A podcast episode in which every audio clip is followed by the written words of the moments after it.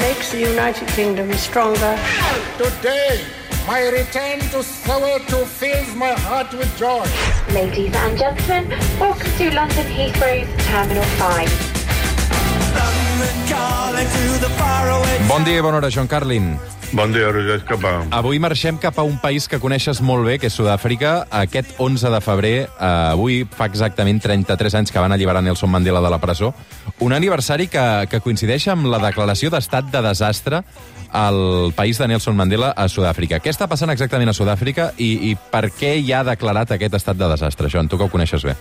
Bueno, mira, es profundamente deprimente, Roger. Para mí, que he invertido tanto, tanto tiempo, tanta energía emocional y de todo tipo en Sudáfrica, eh, yo realmente eh, he perdido toda esperanza con Sudáfrica. Y oigo ahí en la introducción que tenemos a esta sección, ¿no? Oímos la voz de, de Nelson Mandela, eh, un, un, discurso que dio nada más salir de la cárcel hace exactamente, como dices, 33 años hoy, y dice, mi corazón está lleno de alegría, my heart is filled with joy. Y contrastas ese, ese momento de, de, esperanza, de luz, con la, la oscuridad que ha descendido sobre Sudáfrica metafóricamente y literalmente, porque este estado de desastre que ha anunciado el presidente Ramaphosa eh, se centra en un problema catastrófico que hay de, de luz, de energía, de electricidad, concretamente. Eh, el, el, aparato nacional de, electricidad está absolutamente destruido y todos los sudafricanos eh, hace ya años, pero esto se vuelve peor cada día, sufren más y más horas al día sin luz. O sea, a veces cuatro horas, a veces cinco horas al día.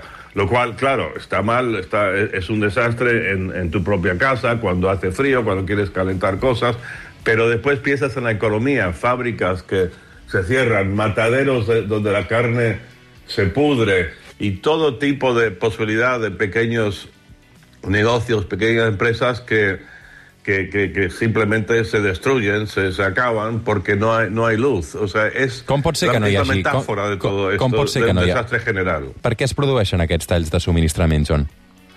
Mira, eh, es que lo que tienes en, Sudáfrica es una empresa estatal que tiene un monopolio de la, de la energía, de la electricidad, que se llama ESCOM.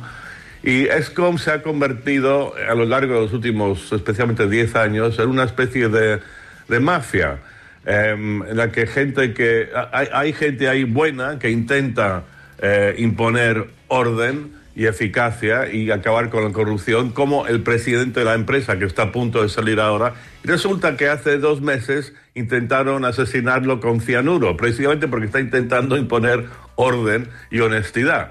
Eh, lo que pasa es que se basa, la, electricidad se basa en carbón en, en Sudáfrica. Resulta que es en el área del carbón donde ha habido más avances para la población negra, básicamente para un grupo de negros muy ricos que tienen ahora, poseen el control de más del 50% de la industria del carbón. Esa gente presiona al gobierno para que no tome medidas como, por ejemplo, para favorecer, invertir en energía solar y, ¿cómo se llama?, la eólica, la del viento. Mm. O sea, por ejemplo, esto podría ser una solución, no se hace por el poder del lobby del carbón.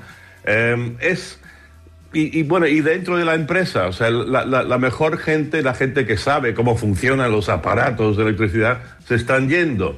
Y, lo que ves es, como dice, muy bien el, presidente, es un estado de desastre. Ramaphosa, el presidente, es un buen hombre que intenta hacer lo mejor para el país, pero tiene demasiada gente dentro de su partido, el partido, el Congreso Nacional Africano de Mandela, que es absolutamente egoísta y que simplemente quieren llenar sus bolsillos de dinero eh, a costa del, del, del, país en general. Y lo terrible, Roger, lo terrible es que económicamente lo, la gente pobre, negra de Sudáfrica está peor hoy, 33 años después de la salida de Mandela a la cárcel, que durante el apartheid. Mira mm. lo que te digo. És curiós com se n'ha anat eh, qualsevol mostra d'esperança 30 anys després a, a Sud-àfrica i com ha canviat el país eh, en un moment que fa més de 30 anys s'acabava l'apartheid, no? Fa 33 anys. Sí. I, i, I no sé si, pel que m'expliques, els blancs no continuen tenint el monopoli del poder, no només, no? Bueno, mira, el- lo- los blancos tienen em, todavía em, bastante control de la economía y, por supuesto, em, como te puedes imaginar, eh, digamos, los ingresos medios de un blanco están muy por encima de los ingresos medios de un negro en Sudáfrica.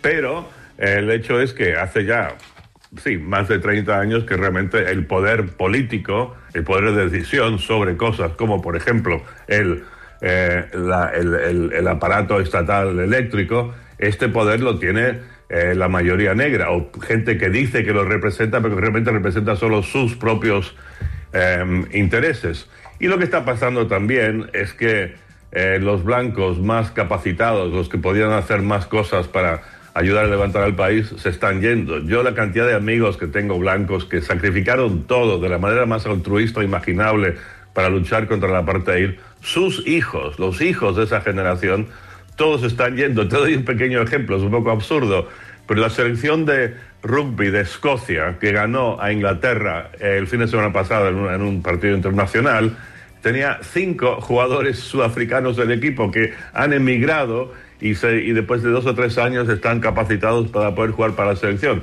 Pero eso te da una pauta y la cantidad de gente que se está yendo. Dentro de no mucho eh, va a haber muy pocos relativamente blancos en Sudáfrica y, y lo terrible es que la gente negra que manda eh, es un egoísmo total. Es un poco como Rusia, la Rusia de Putin, que tienes un grupito de gente que se ha forrado, eh, tipo oligarcas, que han, que han asumido el control de, por ejemplo, la industria del carbón y después el aparato eh, eléctrico. Y, esa, y hay gente negra muy, muy, muy, muy súper rica en Sudáfrica, pero al mismo tiempo con 50% de desempleo y la gente pobre, como repito, está mucho peor que en tiempos del apartheid, lo cual es bochornoso y desesperante. Doncs déu-n'hi-do el retrat que ens fa el Joan Carlin de la realitat eh, 2023 que, que té Sud-àfrica.